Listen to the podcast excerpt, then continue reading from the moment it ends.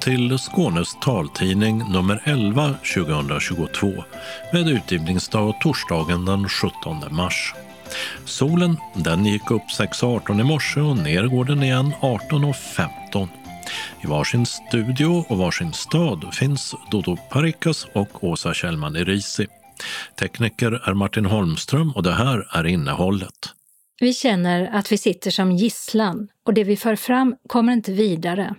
Det menar tre funktionshinderorganisationer och hoppar av sitt samarbete med Skånetrafiken.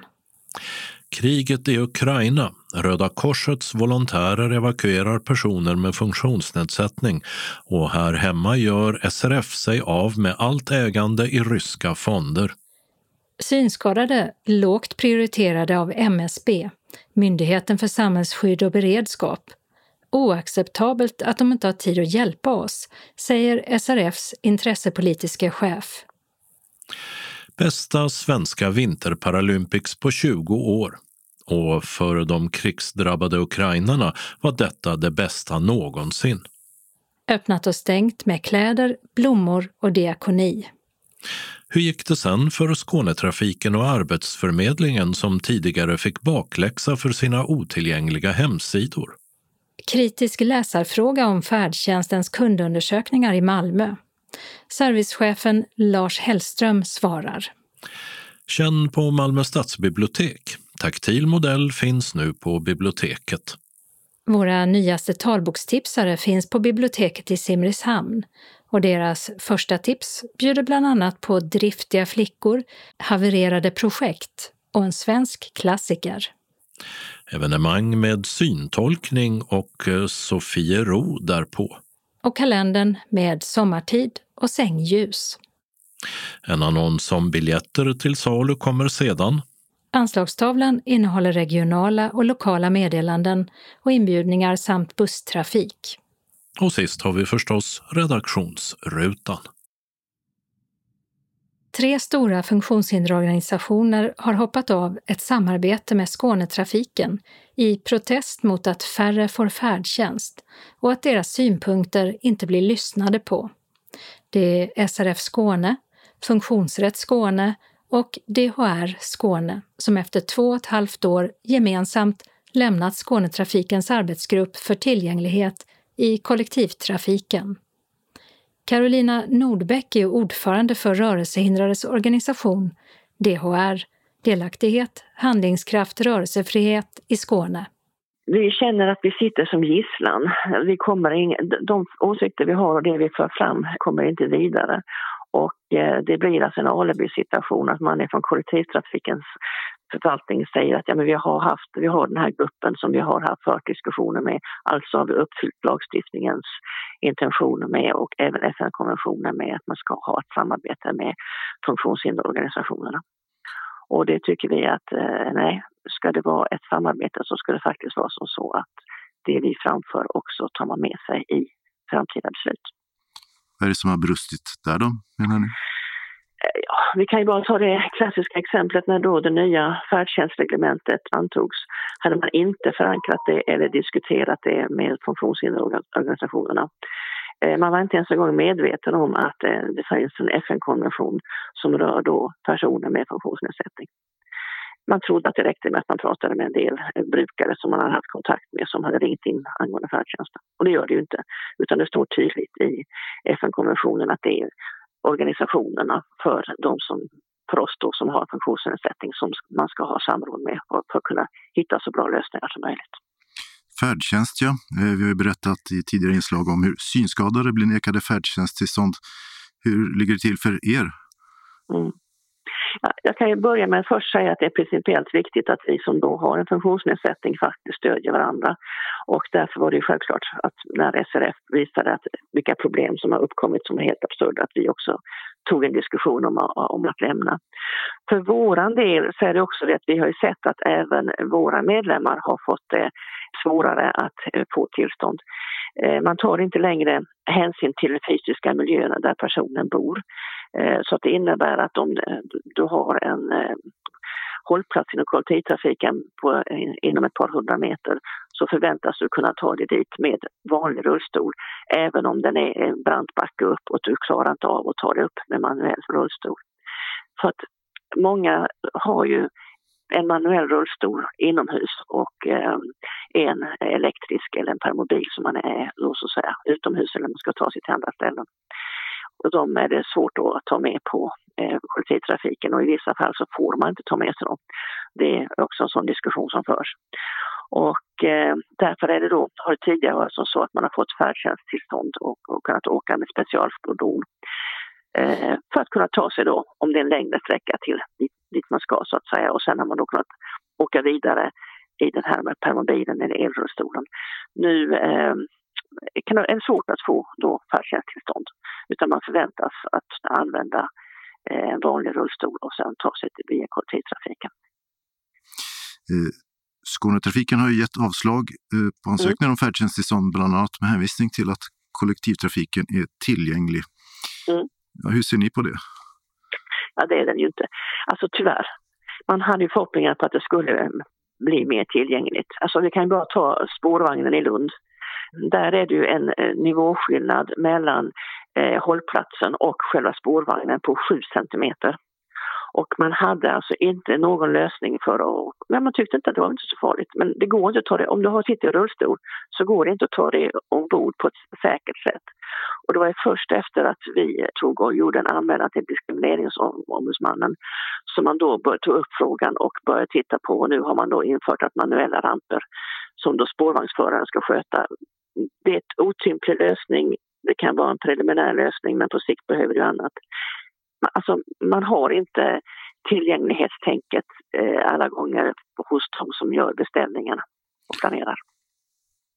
Nu hoppar ni av eh, det här samarbetet med Skånetrafiken och deras eh, tillgänglighetsgrupp. Där. Vad krävs för att ni ska gå tillbaka till något slags samarbete igen?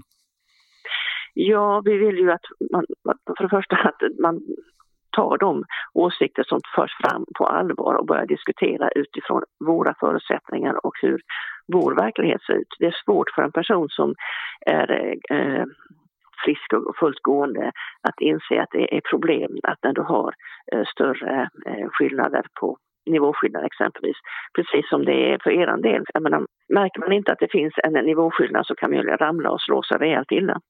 Och man, på något vis måste man också få både politiker och tjänstemän till att inse att färdtjänstlagen är en minimilagstiftning, precis som socialtjänstlagen är.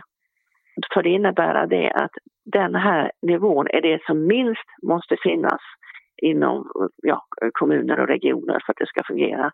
Men alla kommuner och regioner har möjlighet att ge mer än vad som står i då färdtjänstlagen eller socialtjänstlagen. Och nu har det blivit ett antal handläggare som går in och säger strikt att vi ska ligga på miniminivå utan att tänka på vilka konsekvenser det blir för den enskilde.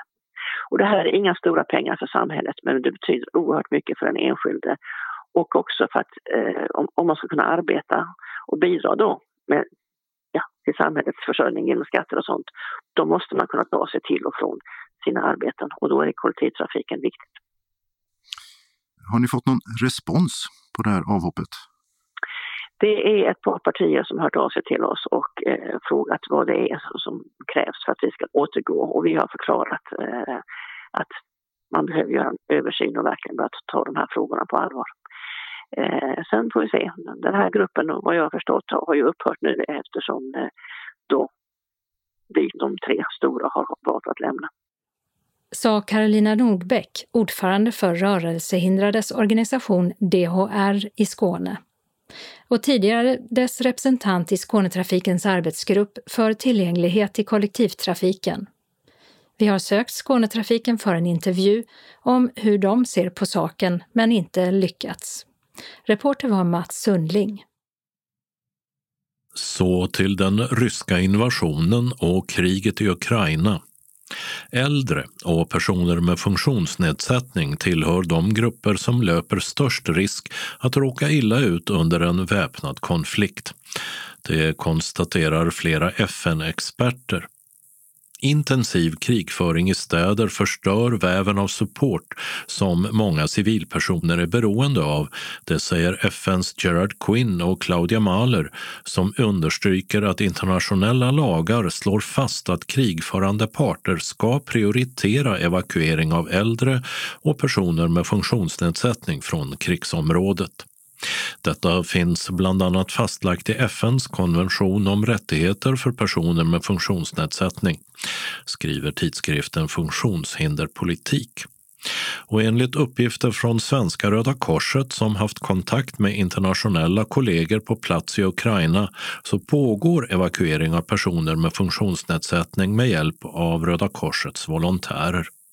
Men vi har tyvärr ingen specifik information om insatser riktade direkt mot synskadade, skriver Svenska Röda Korsets pressekreterare Björn Forsbäck i ett mejl till taltidningen.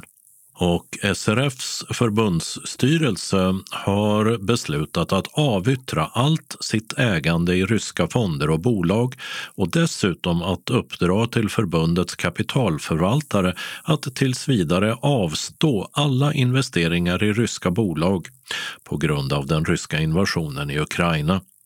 Den fruktansvärda humanitära situationen i Ukraina lämnar ingen oberörd. Vi i SRF vill göra vad vi kan för att signalera vårt stöd till det ukrainska folket i denna svåra stund. Det säger Synskadades riksförbunds ordförande Niklas Mattsson i ett pressmeddelande. Rysslands anfall mot Ukraina och det allt blodigare kriget där har lett till att också vi här hemma börjat undersöka var närmaste skyddsrum finns om något skulle hända även i Sverige. Det är MSB, Myndigheten för samhällsskydd och beredskap, som har ansvar för att det finns skyddsrum och för att informera om dem. På en interaktiv karta på myndighetens hemsida kan den som har dator eller smart telefon hitta sitt skyddsrum, men kartan är inte till någon hjälp för gravt synskadade krisinstruktören Helene Jangenfelt. Den är inte tillgänglig, nej. Tyvärr är den inte det. Eh, och jag har skrivit till MSB angående detta och inte fått något svar. Men de har ju den här mejladressen då och det är skyddsrum.msb.se. Och dit kan man skriva om man har frågor angående skyddsrum. Och jag, eh, jag menar att det är dit man får skriva och så får man ju uppge sin adress antar jag och så får de ju skriva tillbaka var det finns någonstans. Det är det enda alternativet jag kan se. Man kan också ringa till dem vet jag. De har haft ett direkttelefonnummer angående detta men jag läste igår att det var stängt så att man får liksom gå via deras växel då. Och helt enkelt, eh, alltså ju fler som ringer desto mer uppmärksamma blir de ju på det här problemet tänker jag. Så det är väl bara bra att, eh, att alla gör det och man behöver ju också ha den här informationen. Så att man vet var sitt närmaste skyddsrum finns. Men eh, är det ett särskilt skyddsrum man måste ta sig till eller får man, eh, får man gå till vilket man vill? Man ska gå till det som är närmast. Så det, man tillhör liksom inte något specifikt skyddsrum så, utan det gäller att ha koll på det som är närmast där man befinner sig. Man bör ha koll på var skyddsrummet ligger när man är på arbetet och man bör ha koll på var det ligger när man är hemma. Helene Jangenfelt har alltså haft svårt att komma i kontakt med MSB. Och det har också Synskadades riksförbund i sitt arbete med att få tag i information och få ut information om till exempel skyddsrum, säger intressepolitiske chefen Per Viktorsson. Ja, vi tittar ju på, på allt som finns och hur man kan komma till den, komma åt den, så att säga, hur tillgänglig den är på nätet. All sån här information finns ju idag nästan på nätet. Vi försöker också ha kontakt med MSB och, och så och uh, få dem att informera på olika sätt. Så att det är väl det vi gör att försöka få en bild av hur informationsläget ser ut och hur tillgängligt det är för synskadade och föra ut det på våra olika kanaler via hemsida och sociala medier och sånt där hur man kan göra som synskadad för att få veta till exempel vart ens närmaste skyddsrum finns. Har du en känsla av att MSB inte riktigt har tagit in er i sin informationskampanj? Ja, så är det väl. Vi har väl haft kontakt med dem förut och vi har väl upptäckt att de kanske inte riktigt har den här bilden klar för sig hur utsatt man är som synskadad i en sån här läge och vilka insatser man behöver. Vi hade en, en ganska bra dialog med dem för ett par år sedan. Sen har det inte varit mycket nu och nu verkar det också svårt att få till. Så det känns som att vi är ganska lågt prioriterade här också. Här kommer ju också Myndigheten för tillgängliga medier in som har information samlad på sin hemsida och sånt där. Men det är ju MSB som har ansvar för detta på nationell nivå så att vi skulle väl önska oss bättre kontakt med dem och informationsutbyte förstås. Du menar att det är svårt att få kontakt med dem till och med? Ja, vi har haft kontakt med dem nu och då hänvisade de inte hade tid, vilket ju känns helt oacceptabelt att de hade så fullt upp så att de hade inte möjlighet att bistå oss just nu. Det gäller ju inte att bara veta var skyddsrummet finns, det gäller ju att hitta dit också. Ja, det är ju en jättestor fråga. Hur tar man sig dit som gravt synskadad och blind? Så att där krävs det ju ledsagning. Man måste ju få hjälp för att klara av det om inte ja, man har sån tur så att säga då, så att det kanske ligger i samma hus där man bor kan man möjligen klara sig själv. Men det är ju väldigt få som har det och man kanske ska göra det vid en väldigt oläglig tidpunkt och sånt där. Så att hur det ska organiseras, eh, det är ju väldigt oklart. Där finns ju en stor brist som behöver helt enkelt organiseras och och rättas till hur man ska göra när det händer. Vem ska hjälpa den synskadade till skyddsrummet? Ja, för det är kommunerna som har hand om ledsagning i vanliga fall så att säga, men där krävs ju biståndsbeslut. Och... Ja, precis. Och det ser vi ju på ledsagning. De drar ner på besluten, man får mindre ledsagning och det här blir ju ett akutläge.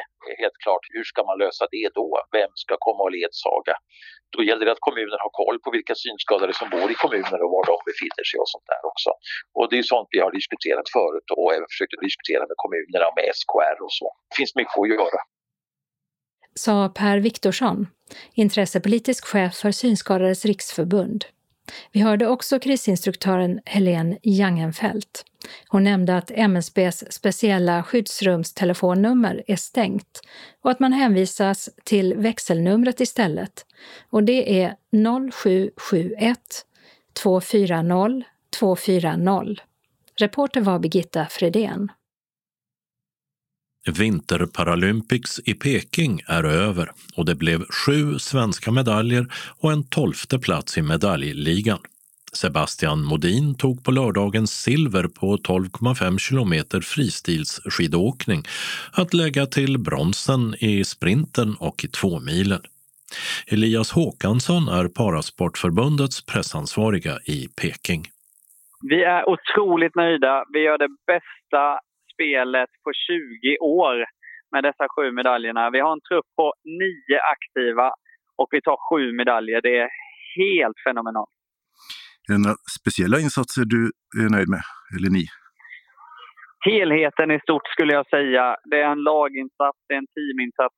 Trots att vi inför spelen faktiskt inte har träffats i helgrupp förrän nu efter spelet är första gången på grund av pandemin så är det ett teamarbete hela vägen upp från truppledningen ner till ledarstaberna och till de aktiva för att ge dem de absolut bästa möjliga förutsättningarna för att kunna prestera på max när det gäller som, som mest. Sebastian Odin, synskadad skidåkare och skidskytt, hade ju en krånglig uppladdning med covid, både för sig själv och eh, ledsagaren i spåren, Emil Jönsson Haag. Han tog silver i lördags, 12,5 kilometer i fristil och hade tidigare ett brons i sprint och ett till på tvåmilen. Vad har du att säga om hans insats? Att Sebastian Modin tar tre medaljer i Peking, det är eh, bragdartat skulle jag säga med den uppladdningen han har haft där som du säger med, med covid och även strul med en höft och även guider under året. Han gör sitt bästa Paralympics. Det var ju hans fjärde. Han, han gjorde ju debut redan i Vancouver 2010 när han var 15. Så nu har han tagit medaljer i fyra paralympiska i rad. Och eh, det här var hans bästa med, med tre stycken då. Så eh, nej, eh, bragdartad insats av Sebastian Modin. Sen har det gått bra i utförsåkningen också. Ebba Årsjö tog guld i slalom till exempel. Var det väntat innan? Ebba har ju kommit upp de sista åren och, och klivit över till parasport. Hon har ju innan tävlat mot personer som inte har funktionsnedsättning. Så vi visste att hon hade en väldigt, väldigt hög högsta nivå. Hon tog eh, två VM-guld här så sent som i januari och det är klart att hon var ett medaljhopp innan.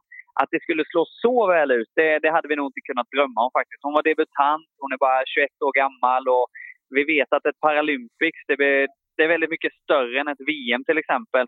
Eh, så att det skulle slå så väl ut med två guld och ett brons för Ebba, det hade vi inte förväntat oss. Så eh, även där en eh, otroligt, otroligt fin insats. Mer väntat var väl kanske rullstolscurlingens lag Pettersson Dahl att de skulle ta sig till final. Där föll de mot Kina så det blev ett silver. Ja, eh, lag Pettersson Dahl var ju en av våra kanske största medaljförhoppningar inför. De tog VM-silver i höstas mot just Kina och hade väl förhoppning om att kunna ta revansch på hemmanationen.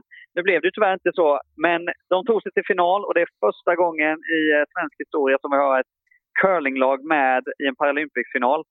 Så det är suverän insats där också. Kul att nämna är också att vi har tagit medaljer i alla curling-event som har varit på både Paralympics och OS i år. Sen när man tittar över nationsgränserna så finns det någon annan som har slagit rekord och det är kanadensaren Brian McKeever, en konkurrent till Sebastian Modin, som tog tre guld i Peking och Totalt ligger han nu vid 42 års ålder på 20 medaljer och 16 guld och det är en delad första plats i vinterparalympisk historia. Nu lägger han av, säger han. Hur bra är han egentligen, skulle du vilja säga? Han är den eh, största, skulle jag säga, på vintersidan och har verkligen eh, tagit parasporten, internationell parasport, till en helt ny nivå. Har varit ett affischnamn väldigt länge. Han är också väldigt ödmjuk och prestigelös det han gör. Och många, många ser upp till honom. Så det, han kommer lämna ett stort tomrum efter sig, Brian. Sen några andra som kanske har överraskat är ju Ukraina. De hade ju stora problem med att ta sig dit för det är ju krig där de kommer ifrån och ska tillbaka till också. Men de slutade tvåa i medaljligan efter Kina med 11 guld Ja, man finner väl knappt ord över den prestationen som de lyckas åstadkomma med, med den situationen som de har på hemmaplan. Det har varit väldigt, väldigt känslosamt. Eh, och att de förhoppningsvis kan ingjuta lite hopp eh, och glädje i sitt hemland av de prestationer de har gjort. Eh, nej, svårt att hitta ord över, över den prestationen som Ukraina har lyckats med som, som lag i Paralympics framåt för vintersporterna i Sverige då, om vi återvänder dit. Hur ser det ut? Liten trupp, men stora framgångar. Vad händer framåt? Det som händer framåt är nu att vi kommer blicka framåt mot ett VM 2023 på hemmaplan i Östersund, Åre. Där vi kommer arrangera VM för både alpint, eh, skidskytte, längdskidor och hockey. Eh, och det här hoppas vi kommer göra att eh, vi får ett ytterligare uppsving nu efter de här paralympiska spelen som har gått så historiskt bra. Och att eh, fler barn och unga med funktionsnedsättning får upp ögonen eh, och är sugna på att, på att ge sig in i, i den här världen sa Parasportförbundets Elias Håkansson. Och vi kan tillägga att Ukrainas paralympier som gjorde landets bästa insats någonsin åker från Peking till en osäker framtid. Flera av idrottarna fick under spelen rapporter hemifrån om att deras bostäder bombats bort, deras familjer är på flykt eller har tillfångatagits. Istället för att flyga hem, vilket kriget gjort omöjligt, har den ukrainska truppen tagit sig till grannlandet Polen. Sen väntar en bussresa till Ukraina för dem som vill. Reporter var Mats Sundling. Öppnat och stängt. I Kristianstad har klädbutiken Senino Donna öppnat på Lilla torg i hörnet Östra Storgatan.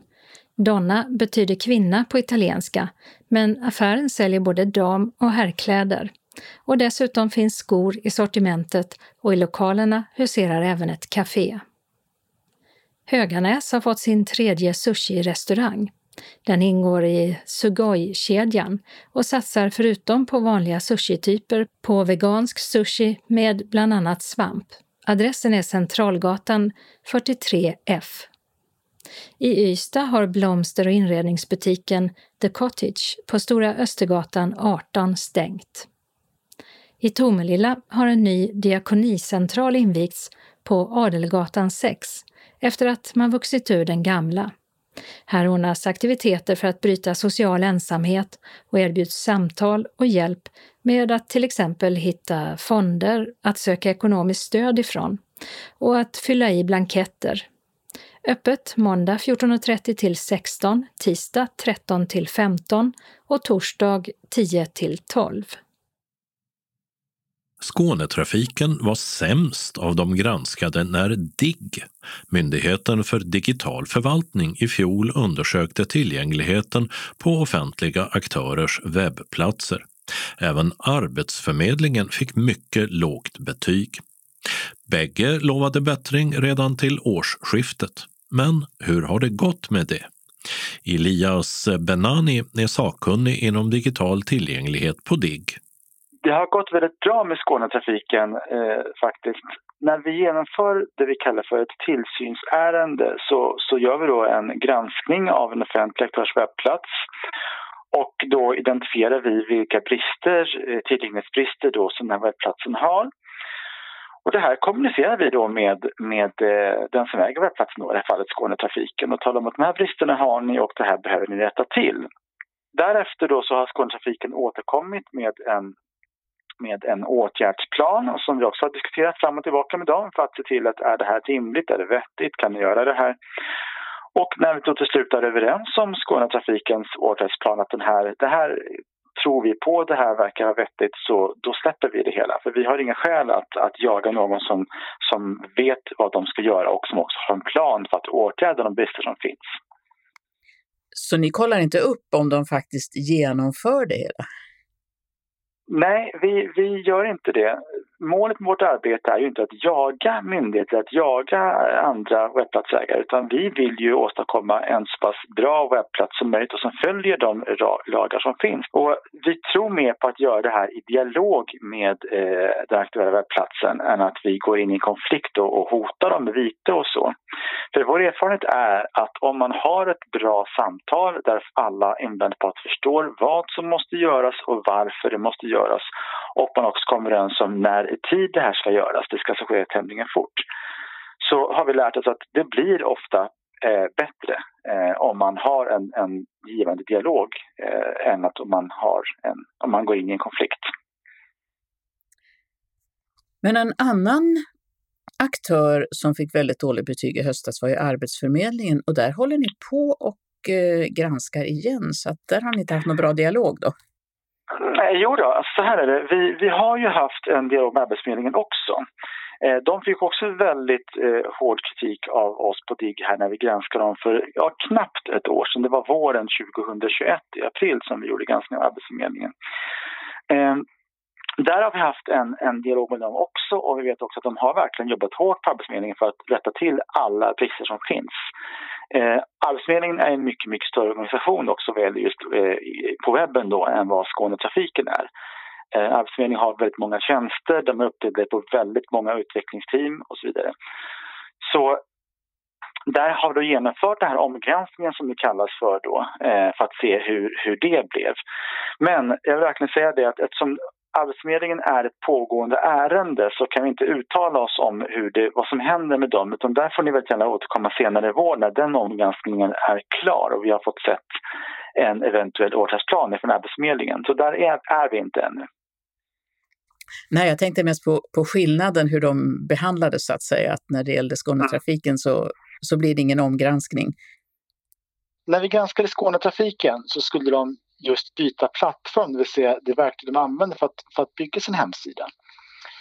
Eh, och eftersom de skulle byta plattform så kände vi då att det finns ingen idé att omgranska någonting när allting ändå kommer bytas ut i sin helhet.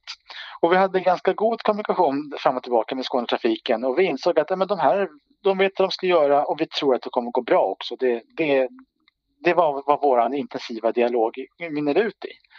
Och som jag har sagt tidigare då, vi vill ju inte skapa konflikt med myndigheter, vi vill ju stödja och se till att det i slutändan blir bra. Och därför är ju en, en bra dialog mer fruktsam än vad en, eh, en ilsken kommentar kan vara. Men fallet var inte Så, detsamma med Arbetsförmedlingen? Nej, utan i Arbetsförmedlingens fall så, så fick vi aldrig någon åtgärdsplan utan de eh, gjorde helt enkelt så att de tog vår lista med synpunkter och sen har de arbetat med den då internt eh, ganska mycket och, eh, och nu håller vi på att omgranska dem igen. Då. Så att det är väl helt enkelt en fråga om hur, hur, eh, hur kommunikationen har gått till. Sen är det också så att, det ska man lägga till, även man kan tycka att man granskar på samma sätt, ja förvisso, men varje ärende är unikt. Eh, reaktionerna från de man granskar är unika, vad som är fel är unikt, hur man kan hantera dem, vilka tekniska, redaktionella eller kompetensbegränsningar som finns hos respektive myndighet skiljer sig ganska mycket åt. Så att i praktiken så blir varje ärende unikt, så man kan inte jämföra rakt av varför behövde de men inte de här. Eh, det är tyvärr lite mer komplicerat än så. Ni publicerar alltså resultaten på er hemsida, hur bra eller dåliga de här organisationerna och myndigheterna är. Och eh, där publicerar ni också det mycket bättre resultatet efter omgranskning, eller åtminstone de flesta får ett bättre resultat. Men det betyder att Skånetrafiken kommer att stå kvar som sämst i klassen då? Och det här kan vi tycka är lite orättvist då att stackars Skånetrafiken som verkligen hade en bra dialog med oss då får, eh, får behålla ett dåligt värde medan Arbetsförmedlingen som inte pratar så mycket med oss på samma sätt får ett bättre värde efter en omgranskning. Ja, och där kan vi absolut säga, har vi optimala rutiner för det här? Troligtvis inte, utan vi behöver säkerligen titta på hur vi arbetar med det här. Men jag ska lägga till det också att eh, vi gör ju en del omgranskningar i alla fall om vi bedömer att, att det behövs. Eh, och det finns inget som säger att Skånetrafiken kommer klara sig från en omgranskning. Vi kan mycket väl inleda en omgranskning utan, utan att vi har bestämt det nu.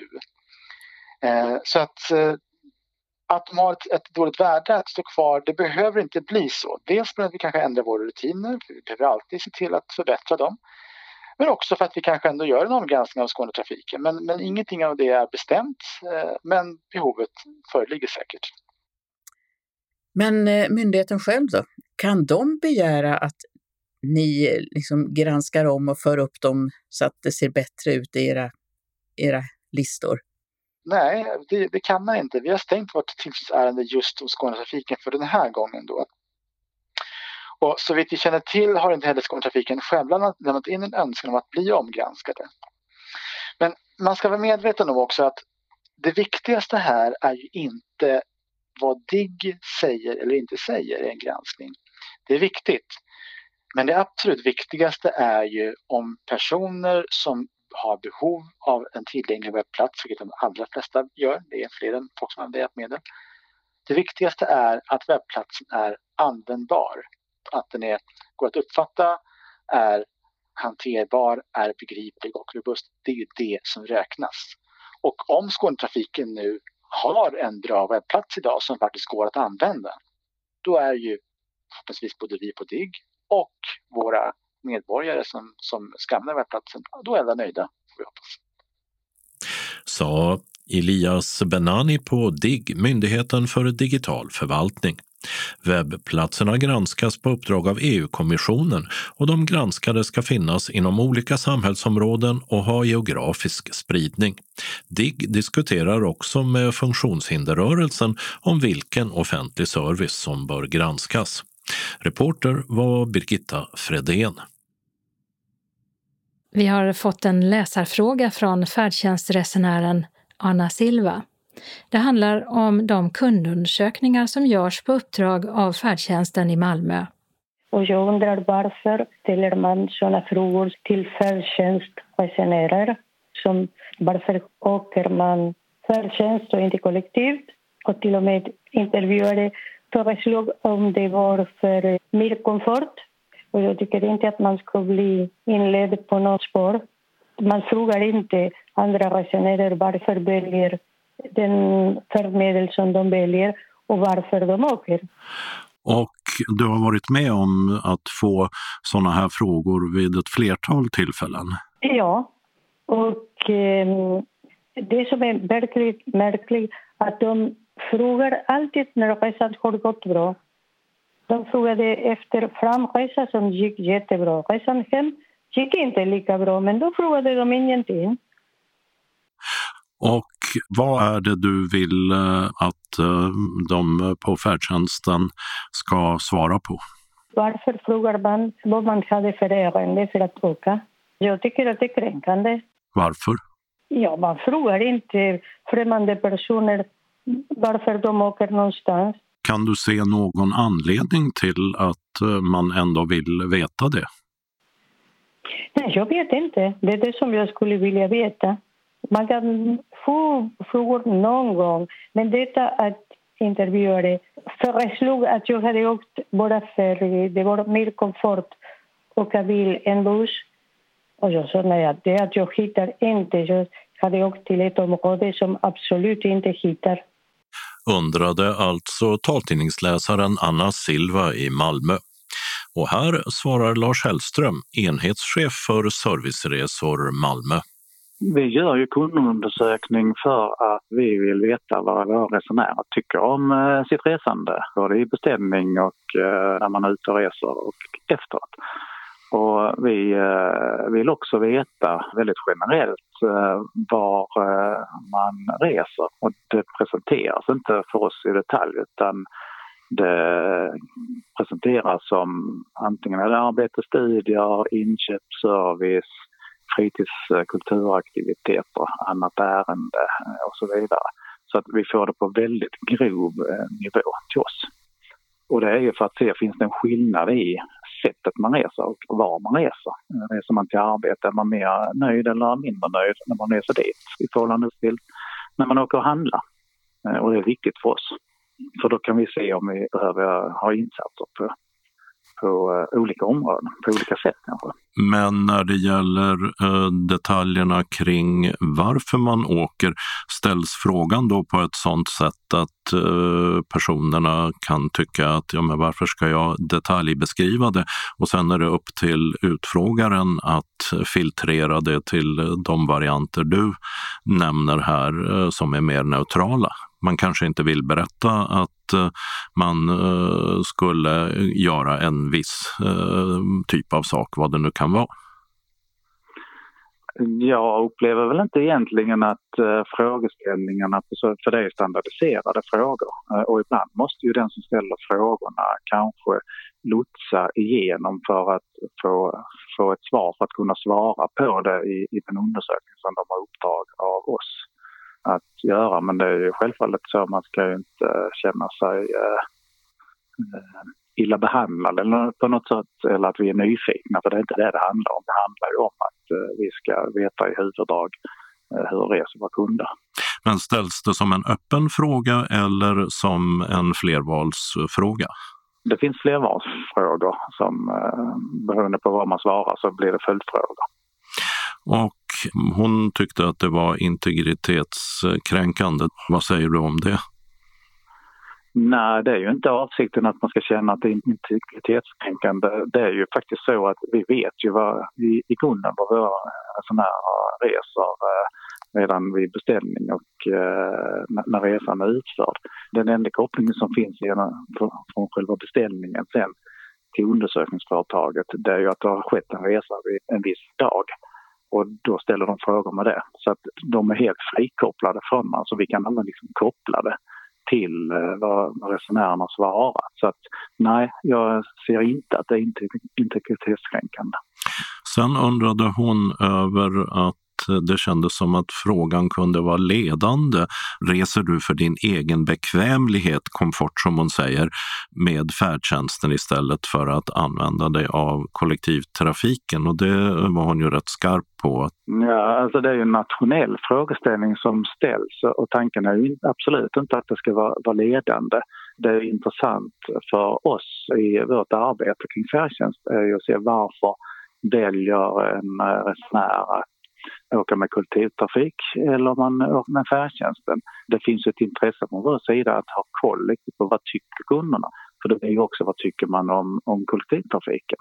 Fungerar inte den tillräckligt bra så eh, vill vi ha en indikation på det för då får vi ha en diskussion med Skånetrafiken kring eh, den typen av frågor. Men alltså, frågan ska ju inte uppfattas som att vi försöker leda att man ska svara det ena eller det andra utan eh, det är mer en vägledning till eh, alltså hur jag som resenär ska tänka när jag svarar på frågan. Och eh, läsaren uppfattar det också som att hon bara blir uppringd när det har varit välfungerande resor men inte när det har haltat på något vis. Vad säger du om det? De som blir uppringda det är ju slumpvis eh, utvalda. Det är tio resenärer som rings upp varje dag, årets alla dagar och man får frågor på resan som var igår.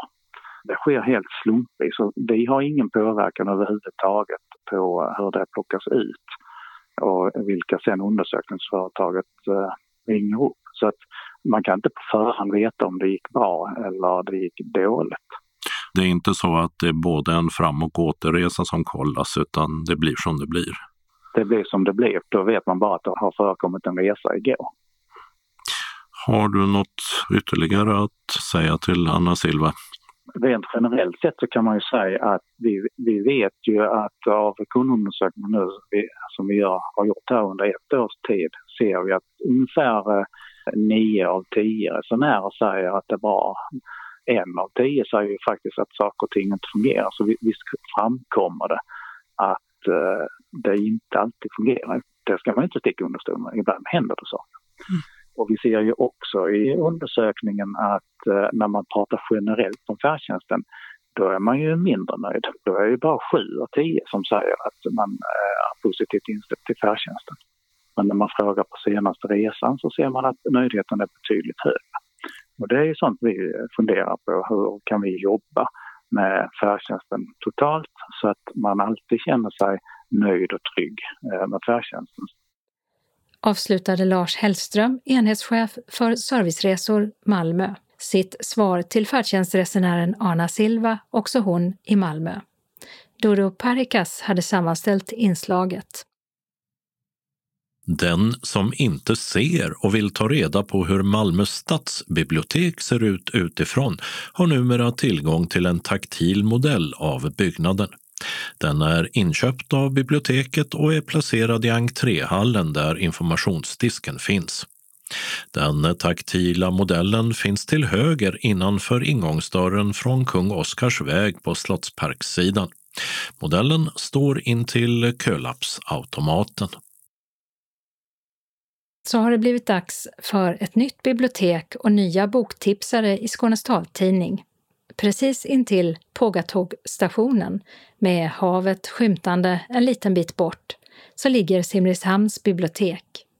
Och därifrån tipsas det om driftiga flickor, havererade projekt, litterära klassiker och dagsaktuella författare. Men först ska de tre nya boktipsarna presentera sig och berätta vad de gillar att läsa när de läser alldeles privat. Jag heter Kate Wisonj. När jag läser böcker så är det en hel del fackböcker. Men eh, husgudinnan är eh, Doris Lessing, har varit länge, även innan hon, innan hon vann Nobelpriset.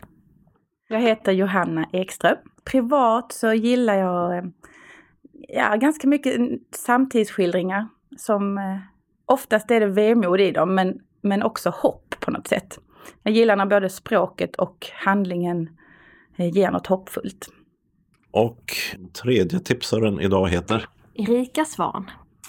Alltså jag brukar ofta prata om det här med att det finns ju feelgood böcker men jag är helt tvärtom så att jag tycker om att läsa de som är feel bad. Jämmer och elände tycker jag om. Och jag älskar att läsa om väderskildringar. Till exempel när jag läste eh, Ajvides Människohamn så är det väldigt mycket oväder där hela tiden. Och det var en sån njutning att läsa det. När jag läste den mitt i sommaren så blev det en sån underbar upplevelse av väder som kontrast till verkliga livet. Och i ditt första tips så går du tillbaka i tiden och till Vilhelm Moberg. Hur är han och väder? Ja men det är mycket sommar i den här boken. Och det var jättehärligt att läsa nu när jag läste den mitt i vintern. Din stund på jorden av Vilhelm Moberg. Och det är ju en klassiker från 1963. Mobergs näst sista roman. Det är en talbok som är inläst av Sven-Göran Alv och den är 9 timmar och 40 minuter lång och finns också som punktskriftsbok. Den här boken handlar om utvandraren Albert Karlsson som tillbringar sin sista tid på ett hotell i Kalifornien. Han lyssnar på Stilla havet åt ena hållet och staden på andra hållet och ser tillbaka på sitt liv och hur det blev med allt. Han är en man, före detta make, pappa och son. Men mest av allt är han en lillebror till Sigfrid som oväntat dog, bara 19 år gammal. Och Albert har sörjt honom sedan dess. Varför fick Albert leva hela sitt liv och inte Sigfrid? Den här boken är både kärleksfull och väldigt, väldigt vemodig. Vi får följa med i Alberts minnen från barndomen i Småland. Ett Småland som knappt gick att känna igen när han senare besökte hembygden. Och vidare genom livet i USA. Vad hör man egentligen hemma när man emigrerat? Och är kanske minnet av en glad barndom viktigare än hur det faktiskt förhåller sig just nu? Ett välkänt citat från denna bok eh, sammanfattar andemeningen med boken. Både Alberts kärlek till storebror Sigfrid och hans vemodiga tankar om att livet börjar gå mot sitt slut. Citatet är så här. Du ska alltid tänka, jag är här på jorden en enda gång. Jag kan aldrig komma hit igen. Och detsamma sa Sigfrid till sig själv. Ta vara på ditt liv. Akta det väl. Slarva inte bort det. För nu är det din stund på jorden. Men det var väl inte feelbad? Jag vet inte, för det är ändå eh, vemodet i att han, han kanske inte har tagit tillvara på sitt liv så som han, Sigfrid, ville att han skulle ha gjort det. Det är lite det där när man sammanfattar sitt liv. Har jag verkligen gjort allt det där? Har jag tagit vara på mitt liv? Som sagt, väldigt vemodig och jätte, jättefin. Och sen byter du till väldigt aktuell nutid. Ja, den här är ju helt ny den här boken. Nikes bok av Agnes Lidbeck. Eh, det är en talbok med text och den är 20 timmar och 55 minuter lång. Söker du en bok att leva med riktigt, riktigt länge så är detta en bok för dig. Med start 1982 i den fiktiva byn Kummelvik på Österlen. En varm sommardag räddas tvååriga Nike från att drunkna i de farliga vågorna vid havet. Mamma Sonja är inte där för att vakta och detta är den utlösande katastrof som blir utgångspunkt för tre familjers fortsatta liv i byn. Och vi lär känna ett stort antal personer. Deras drömmar, besvikelser, längtan och bitterhet. Nike är flickan som räddades. Hon är ensamt barn till konstnären Olle och mamma Sonja.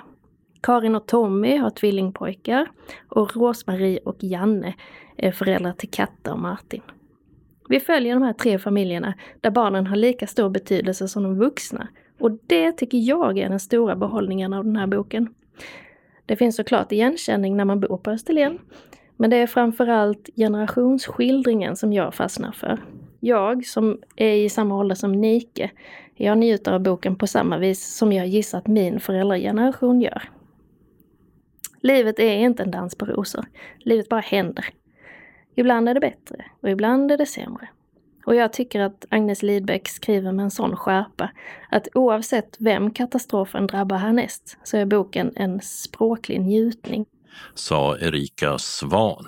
Hennes kollega Kate Wisoni inledde ju med att berätta att hon gärna läser fackböcker privat. Men det är också en sådan hon börjar sina tips med. Jajamensan, jag har läst en bok som heter Draksådd av Christian Daun. Det är en talbok med text och speltiden är 8 timmar och 4 minuter. Läser in gör Magnus Demitz Helin. Bokens undertitel den lyder Fiaskon och haverier när kommunen ska sättas på kartan. Och den säger ganska mycket om vad den här reportageboken ska handla om. Nämligen kommunala projekt som kommer till för att på ett positivt sätt uppmärksamma kommuner, göra dem mer attraktiva och konkurrenskraftiga vad gäller att locka till sig skattebetalare eller investerare av olika slag som i sin tur ska skapa nya jobb. Projekt som alltså då misslyckas totalt. Det mest kända exemplet är kanske Dragon Gate i Älvkarleby kommun, som från början var en vägkrogssatsning som floppade och sen spårade ur till först ett olönsamt tiovåningshotell och sen till en europeisk port till Kina via en myggmedelsmiljardär. Nu kan man lätt tro med den där undertiteln om fiaskon och haverier att det är en raljerande ton i boken som lite sparkar neråt på småkommunerna som då desperat försöker sätta sig själva på kartan för att överleva. Men det är det verkligen inte. Men visst kan det bli lite komiskt ibland, som när Landskrona kommun får för sig att installera en dimmaskin a 200 000 kronor i en rondell. Vilket inte bara slutar med dålig sikt utan också oerhört dålig stämning. Och så här fortsätter det med exempel genom Sverige från norr till söder med misslyckade försök att sätta kommuner på kartan, skildrat via möten med allt från politiker till vanliga skattebetalare. Och det är faktiskt en väldigt fin och varm bild av glesbygd-Sverige framförallt som vi får ta del av. Där det är allt annat än enkelt att överleva och bedriva kärnverksamhet när skatteunderlaget bara minskar och minskar. Hur ser det ut i hemkommunen Simrishamn? Har det varit något floppprojekt här? Inte som jag känner till, så att eh, förhoppningsvis inte.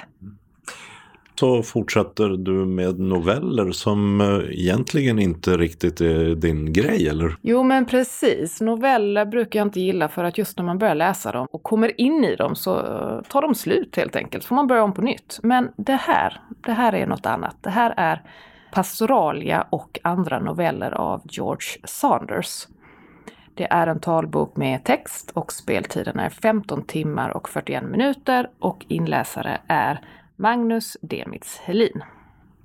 Och Pastoralia, det är en samling ganska absurda noveller, vilket jag i vanliga fall inte gillar heller. Jag vill gärna ha realism. Det ska helst vara diskbänksrealism. Men detta är någon form av diskbänksrealism som utspelar sig i ett parallellt universum eller en framtida dystopisk värld och genom den lyckas Saunders visa på just det absurda i vår värld, vår vardag, som vi tar för given och tycker är helt rimlig. Men om man bara skrapar lite på vår yta, belyser den ur ett lite annat perspektiv, ja men då är den allt annat än rimlig och framför allt allt annat än önskvärd. Saunders lyckas peka på mänsklighetens hyckleri, ondska och vidrigheter samtidigt som han utmålar oss som offer för densamma. Och han gör detta genom att skildra sin historia ur den lilla människans perspektiv. En människa som tvingas till idiotiska beteenden på grund av systemfel. Det är en människa man ändå tycker om, tycker synd om. Som ni hör är det ganska samhällskritiska och inte jättemuntra noveller, men ack så bra. De är dessutom drypande av svart humor och har briljanta jämförelser och knivskarpa iakttagelser. Jag kan tillägga att Saunders noveller har publicerats i bland annat amerikanska tidskriften The New Yorker och Harpers och han har även skrivit för den brittiska dagstidningen The Guardian. Det sa Kate Wisonji.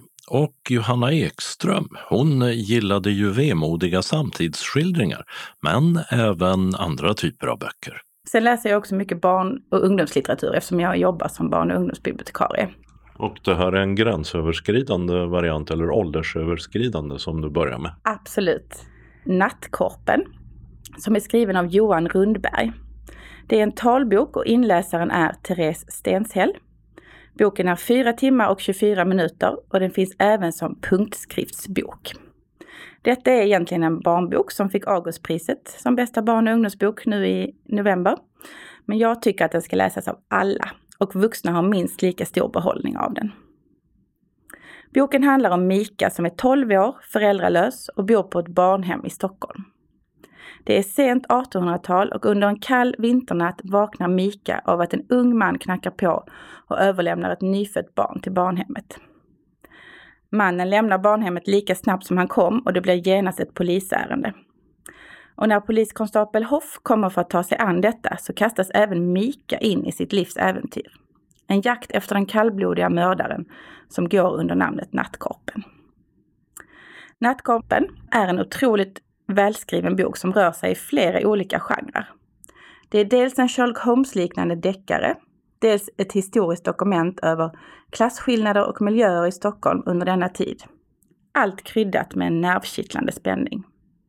Den är rappt skriven och Johan Rundberg vågar skriva ut allt, trots att böckerna vänder sig till barn i första hand. Man riktigt känner hur hungern kändes, hur härsket flott luktade och hur paniken kändes när man hade för lite ved för att klara sig genom hela vintern. Mika som karaktär får mig att tänka på Anne på Grönkulla. En orädd tjej med öga för detaljer som vill göra allt för att göra rätt för sig i världen. Ytterligare två delar, Tjuvdrottningen och Dödsängen, finns också som talböcker. Och en fjärde bok är på väg. Och vi har redan haft lite noveller här förut och du kommer också med några. Det tredje ljuset och Små ting som dessa av Claire Keegan är två noveller eller kortromaner som är under produktion som talbok med text och de beräknas vara färdiga den 25 mars. Claire Keegan är från Irland och den första novellen, Det tredje ljuset, skrev hon 2009 och den har blivit en modern klassiker i hemlandet. Elva år senare ger hon ut den fristående fortsättningen, Små ting som dessa, vilket har medfört att båda nu översatts till svenska. Det är en fröjd att läsa Claire Keegan, framförallt för språket. Det är enkelt men rikt, en karg och aningen dyster handling iklätt ett vackert språk. En exakthet med känslan av att hon inte använder ett enda onödigt ord. I Det tredje ljuset möter vi en flicka på den irländska landsbygden som skickas till fosterföräldrar. Hon vet inte när eller om hon kommer att återvända. Det är flickan som står för berättandet och vi får dela hennes naivistiska blick på omvärlden. För första gången får hon uppleva vad kärlek och trygghet är, även om det inte uttalas direkt. I den andra novellen, Små ting som dessa, möter vi Bill Furlong. En man som lever ett stillsamt liv med fru och döttrar och som arbetar med att leverera kol. Det är när han besöker ett kloster i det ärendet som han möter en instängd flicka och möter det mörker som gömmer sig i staden, starkt kontrollerat av kyrkan. Två kortromaner som behandlar utsatthet, kärlek och medmänsklighet i en språklig elegans. I mina öron låter det lite som att eh, det har lite koppling till den första boken. Det är en flicka som är huvudperson och finns det likheter? Verkligen den här i första novellen tänker jag faktiskt också på Anne på Grönkulla lite. Den här flickan som kommer och äntligen får kärlek och eh, blommar ut i det på något sätt. Och boktipsare från Simrishamns bibliotek föreslog alltså följande titlar. Reportageboken Draksådd av Christian Down. Pastoralia och andra noveller av George Saunders. Din stund på jorden, en roman av Vilhelm Moberg. Nikes bok, en roman av Agnes Lidbeck. Nattkorpen, barn och ungdomsbok för alla åldrar av Johan Rundberg. Och Det tredje ljuset och Små ting som dessa är två kortromaner eller långa noveller i en bok av Claire Keegan. Reporter var Dodo Parikas. Så till evenemangstipsen. Och vi börjar med syntolkad film. Filmen Utvandrarna, som är baserad på Vilhelm Mobergs omtyckta bokserie, har fått syntolkning och uppläst text för tv, dvd och vod. Den är regisserad av Erik Poppe och i huvudrollerna som Karl-Oskar och Kristina syns Gustav Skarsgård och Lisa Karlehed. Filmen Comedy Queen handlar om 13-åriga Sasha som bestämt sig för att bli ståuppkomiker för att hantera sin sorg efter sin mamma. Filmen är syntolkad för tv, dvd och vod. Och detsamma gäller för familjefilmen Bamse och Vulkanön. Nu på fredag den 18 mars klockan 19.30 med insläpp från 19 spelar Duo Rot på Victoriateatern i Malmö. På varsin sida om en estnisk sittra sitter musikern Anliset Rebane och Katarina Kevi. Med instrumentet i kombination med sina röster komponerar de musik som är inspirerad av estnisk musiktradition, men också andra kulturella uttryck och intryck. Det är en picknickföreställning, vilket innebär att man kan boka plats vid bord och ta med sin egen picknick. Sitter man på balkongen är endast dryck tillåten. Ordinarie biljetter i salongen är 240 kronor och på balkongen 200 kronor. För studenter och pensionärer är priset 40 kronor lägre. Kulturcentralen säljer biljetterna. På biblioteket i Simrishamn arrangeras en föreläsningsserie om demokrati under våren med tanke på valet i september. Den 20 april föreläser riksdagsledamoten Barbro Westerholm, som är läkare och talesperson för årsrika samt hbtq-frågor, bland mycket annat, klockan 14. Den 5 maj är det sista föredraget i serien och då är det Lisa Pelling, doktor i statsvetenskap samt chef för tankesmedjan Arena Idé och dess programansvarige för demokrati och välfärdsfrågor som man får lyssna till klockan 17.30. och föredragen är på Simrishamns bibliotek. Så till biblioteken i Ystad kommun, där det händer en hel del. Här är några tips. Biblioteket i Löderup har teknikdrop-in den 4 april klockan 16.30 till 18.30. Då kan man lära sig hur man till exempel lånar e-ljudböcker eller ta med sin bärbara dator, surfplatta eller telefon och få svar på frågor när det gäller den digitala utrustningen. På ett närliggande bibliotek i Glemmingebro kan man dela med sig av sina boktips till kvällskaffet klockan 17.30 den 6 april. Föranmälan på telefon 0722 48 22 67. Och på Stadsbiblioteket i Ystad berättar läkaren och professorn i molekylär medicin, Anders Rosengren, om sin forskning och boken Hela livet den 20 april klockan 19. Gratisbiljetter hämtas på Stadsbiblioteket från den 6 april. Ett annat tips är en talbokscirkel den 27 april klockan 14 till 15. Och så här skriver biblioteket om evenemanget. Är du talboksläsare? Välkommen till bibliotekets talbokscirkel. Vi delar våra läsupplevelser över en kopp kaffe. Föranmälan till biblioteket 0411 57 72 90 eller 0709 47 72 91.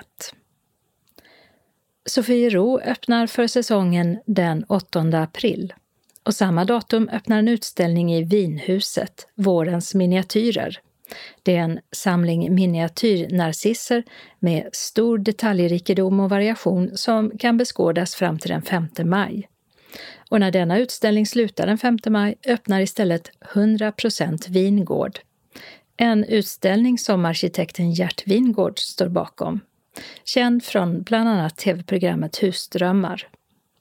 Den 25 maj till 13 november pågår en utställning med namnet Skala 1 till 1, unik arkitektur i symbios med Sofieros natur.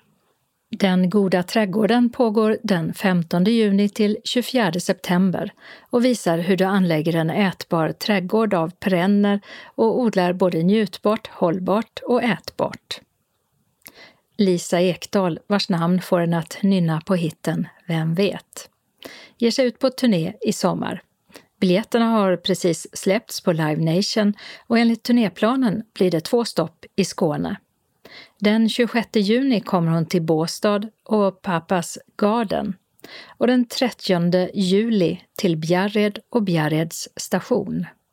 Biljettinformation Simrishamns bibliotek 0414 81 93 00 Sofiero, Helsingborg 042 10 25 00 Live Nation, de har inget telefonnummer men hemsidan livenation.se. Kulturcentralen 040 10 30 20. Kalendern för vecka 12 börjar med måndagen den 21 mars då Bengt har namnsdag. Nordiska rådet samlas i Malmö till sin årliga temasession som håller på i två dagar och då handlar aktualitetsdebatten som hålls den andra dagen förstås om den ryska invasionen i Ukraina.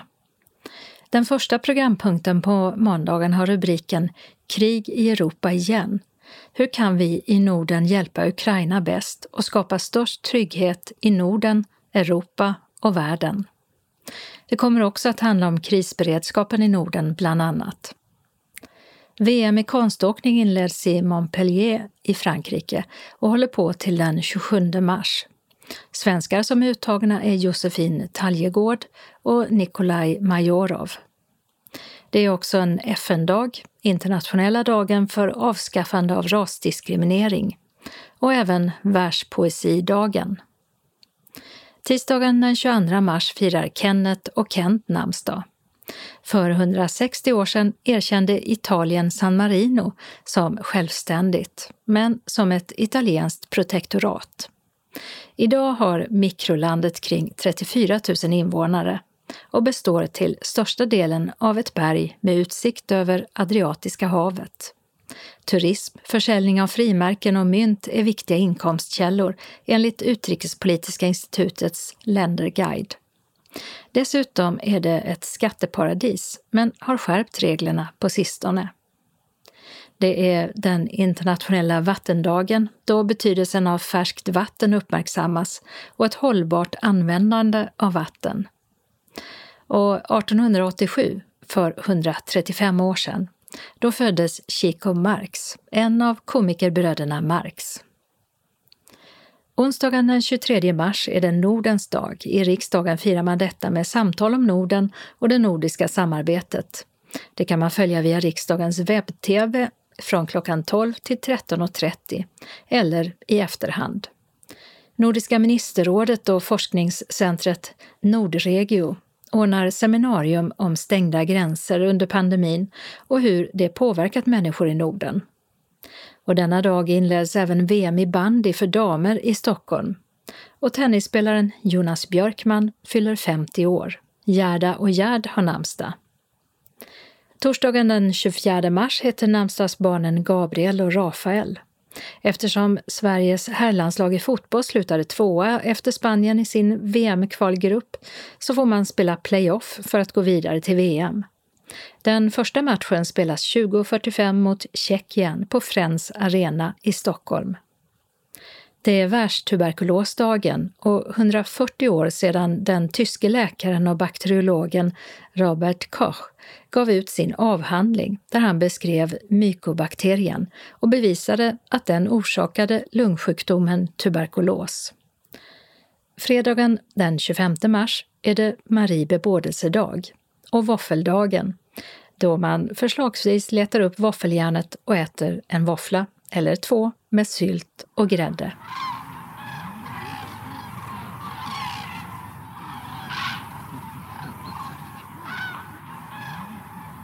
Det är också trandagen som framförallt förknippas med sydöstra Småland, Öland och Blekinge, där transträcken, liksom i Skåne så här års, kan ses flyga fram över himlen.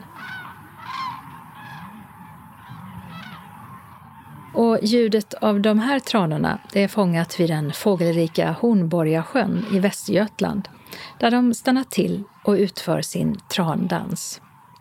När tranan kommer så förebådar det vårens ankomst. Och enligt ett gammalt talesätt brukar man säga att tranan bär ljus i säng. Lördagen den 26 mars har Emanuel namnsdag. Söndagen den 27 mars är det dags för sommartid och klockan ställs en timme framåt. Rudolf och Ralf har namnsdag. Egentligen skulle VM i bandy för herrar börjat i Ryssland. Men på grund av den ryska invasionen i Ukraina beslutade redan tidigt Svenska bandyförbundet, liksom det finska, att inte delta i bandy-VM och senare ställdes bandy-VM helt in. Och så har vi en rättelse när det gäller kalendern i föregående nummer. Skottet mot Gustav III på Operamaskeraden i Stockholm ägde rum för 230 år sedan och inget annat. Vi har en annons. På grund av resor säljes följande biljetter. Nationalteaterns rockorkester lördag 23 april på KB i Malmö, två biljetter. Och Johnny Cash Roadshow, The Man in Black, onsdag 16 november på Nöjesteatern i Malmö, två biljetter. Ordinarie pris 595 kronor stycket, säljes för 500 kronor stycket. Hör av dig till Conny Olsson 0731 80 85 85. E-post connyolsson69 gmail.com och Conny stavas med C i början och Olsson med två S. Den regionala anslagstavlan börjar med ett meddelande från Skånetrafiken. Ny app för Skånetrafikens serviceresor ger snabbare service. I augusti lanserades digital bokning för kunder med giltigt färdtjänsttillstånd. Man fick då möjlighet att boka och avboka sin resa, antingen via mobilapp eller webbapp. Nu kan Skånetrafiken även erbjuda de som reser sjukresor samma digitala lösning. För de som fortfarande vill ringa för att boka så finns den möjligheten kvar. Under pandemin har serviceresor periodvis haft utmaningar med hög belastning i beställningsmottagningen vilket lett till längre väntetider. Ambitionen är att den digitala bokningen ska underlätta och ge kunderna större valmöjlighet att själva boka eller avboka sina resor snabbt och enkelt. Avbokning går att göra ända in på avresor. Serviceresor möter nu upp efterfrågan där många kunder vill hantera och vara delaktiga i sin egen resa. Genom att fler kunder använder digital bokning så minskar väntetiden i telefon för de som behöver ringa. SRF Malmö Svedala inbjuder till en syntolkad teaterföreställning på Intiman, Östra Rönneholmsvägen 22 i Malmö. Varför älskar ingen de lesbiska? Tid torsdag 5 maj 19.00, samling 18.15. Ordinarie pris 340 kronor, pensionär 320 kronor, student 170. Betalning sker med inbetalningskort som skickas hem, men det går också bra att swisha till 123 077 8050 senast 20 april. Biljetterna delas ut på plats. Handling. Välkommen till en nyskriven humoristisk odyssé i ett lesbiskt universum. Med värme och komik utforskas lesbiskhetens med och motgångar, njutningar och kval, svett, tårar, sekret, storslagna entréer och kärlekskranka scenerier. Lindsay Lohans tvivel, Sapfos envishet, Selma Lagerlöfs vilda nätter och mötet med ditt inre lesbiska barn. Föreställningstid en timme 30 minuter. Vi har förbokat ett begränsat antal biljetter. Medlemmar från andra delar av Skåne är också välkomna. Och för medlemmar utanför Malmö utgår som vanligt reseersättning från SRF Skåne för resor utanför Malmö, där kvittot skickas in inom tre månader efter syntolkningstillfället. Anmäl dig till kansliet 040 25 05 40 eller e-post info srfmalmo.se senast fredag 1 april. Vid anmälan berätta om du behöver lur och eller ledsagning. För frågor ring Maj-Britt Ryman 070 324 6609. Hjärtligt välkomna önskar styrelsen. SRF Skåne inbjuder till turridning på islandshästar söndag 8 maj klockan 9 då vi träffats hos Brönne islandshästar i Brönnestad mellan Hässleholm och Hör för att sen sätta oss på varsin islandshäst under några timmar. Viktigt är att vid anmälan informera om man behöver en ledarhäst med ledsagare. Man får max väga 90 kilo för att vara med då hästarna inte är så stora. Vid lunchtid åker vi sedan vidare till Hovdala slott där vi avnjuter en lunch. Beräknad sluttid 15.00. Har ni matallergi eller specialkost får ni anmäla detta i förväg. Observera, inga hundar kan vara med. Pris 200 kronor för medlemmar, lunch ingår. Du kan betala in anmälningsavgift till bankgiro 484 09 89 eller swish 123 312 6299. Glöm ej att skriva ditt namn och turridning. Vill du ha inbetalningsavi så säg till när du anmäler dig. Ditresan går till adress Brönnestad 6150 Hässleholm. Hemresa från Hovdala slott PL 6223 Hässleholm. Anmälan till SRF Skåne telefon 040 777 75 eller e-post srfskane snabela srfskane.se. Sista anmälningsdag 2 april. Då det finns ett begränsat antal platser rekommenderar vi att ni anmäler er så snart som möjligt. SRF Skåne står för era reskostnader mot kvitto senast tre månader efter arrangemanget samt endast inom Skåne. Bor du utanför betalar vi bara för kostnaden från länsgränsen. Bekräftelse och deltagarförteckning skickas ut efter sista anmälningsdagen. Genom anmälan godkänner du att du finns med på förteckningen. Undrar ni över något, ring Maria Torstensson 0708 97 17 85 så försöker hon besvara era frågor. Välkomna till en härlig dag på hästryggen hälsar arbetsgrupp Sport och hälsa. Anslagstavlan för norra Skåne innehåller meddelanden från SRF Västra Skåne samt ändringar i busstrafiken. SRF Västra Skåne inbjuder till torsdagsträff 31 mars 14.00 till 16.00 i SRFs lokal. Idag blir det något annat. Tårta serveras som dagens fika. Avgift 30 kronor. Anmälan görs till kansliet. Sista anmälningsdag torsdag 28 mars klockan 12. Välkomna! SRF Västra Skåne vill också ha intresseanmälningar till en tredagarsresa på Göta kanal fredagen den 26 till söndagen den 28 augusti. Planerad deltagaravgift 1000 kronor. Enkelrumstillägg 500 kronor. Fullt pris 4 520 kronor. Program dag 1. Start SRFs lokal Helsingborg. Stopp för förmiddagsfika på vägen upp. Lunch på Liljeholmens herrgård. Rundtur i Linköping med buss. Guidad rundtur med turisttåg i gamla Linköping. Middag på hotellet i Linköping. Dag två, Kanaltur på Göta kanal från Berg till Borensberg med MS Lejon. Lunch ombord. Fri eftermiddag i Linköping. Gemensam middag på hotellet i Linköping. Dag 3. Besök på Brunnbergs musteri med guide och smakprovning. Tur på Kinda kanal och lunch ombord.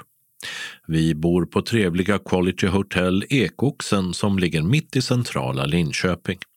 I priset ingår bussresa, resledare, syntolk, del i dubbelrum med frukost, en förmiddagsfika, en tvårättersmiddag, en trerättersmiddag, Lunch dag 1 till dag 3, varav en är på Göta kanal och en på Kinda kanal och alla utflykter enligt program. Anmäl ditt intresse till kansliet eller e-posta srf.monica senast 28 mars klockan 12. Observera att detta endast är en intresseanmälan för att se om styrelsen kan gå vidare med planeringen. Välkomna! Vi har några tillfälliga ändringar i busstrafiken. Först gäller det Helsingborg och det är vägarbete på Larmvägen som vi berättat om tidigare och som berör fyra hållplatser för stadsbuss 7 och eh, som skulle varit klart 16 mars men nu är förlängt till 25 mars 16.30. Och I Ängelholm så ska det VA-arbetas på Munka Ljungbyvägen till och med 28 oktober 16.00. Och för stadsbuss nummer 1 hållplats Rebelberga kyrka samt Kungshaga, läge A i riktning Midgård, hänvisas till Kungsgårdsskolan, läge B, cirka 500 meter åt sydväst på Kristian den andres väg. Bussar mot Kulltorp på samma linje berörs inte. Anslagstavlan för sydvästra Skåne innehåller meddelanden från SRF Malmö Svedala. Först så inbjuder SRF Malmö Svedala till sin dagverksamhet vecka 12. Vi serverar kaffe och smörgås eller kaka till en kostnad av 10 kronor. Vi vill att alla anmäler sig till kansliet telefon 040 25 05 40, om man tänker komma på någon dagaktivitet senast klockan 10 samma dag som aktiviteten. Känner man sig sjuk så stannar man hemma. Måndag 21 mars 13 till 15 tidningsläsning och eller frågesport. Och tisdag den 22 mars 13 till 15.15 .15 blir det bingo. SRF Malmö Svedala välkomnar också till Tjejträff torsdagen den 31 mars. Tina från Seniorshoppen är tillbaka för att visa och berätta om vårens och sommarens mode. Du kan handla kläderna kontant, med kort eller med inbetalningskort och du kan prova i lugn och ro. Vi kommer att ha visning av kläder i två omgångar. Första gruppen kommer klockan 16 och sen kommer den andra gruppen klockan 18 då vi alla äter tillsammans innan andra gruppen tittar på kläderna. Vi serverar pastasallad med ost och skinka. Bröd ingår. Kostnad 80 kronor. Drycker är till självkostnadspris. Om man har allergier eller särskild kost meddelar man det vid anmälan. Du betalar kontant på plats eller med swish till nummer 123 077 8050. Vill du ha en trevlig kväll så anmäl dig till kansliet senast torsdag 24 mars. Hjärtligt välkomna hälsar styrelsen.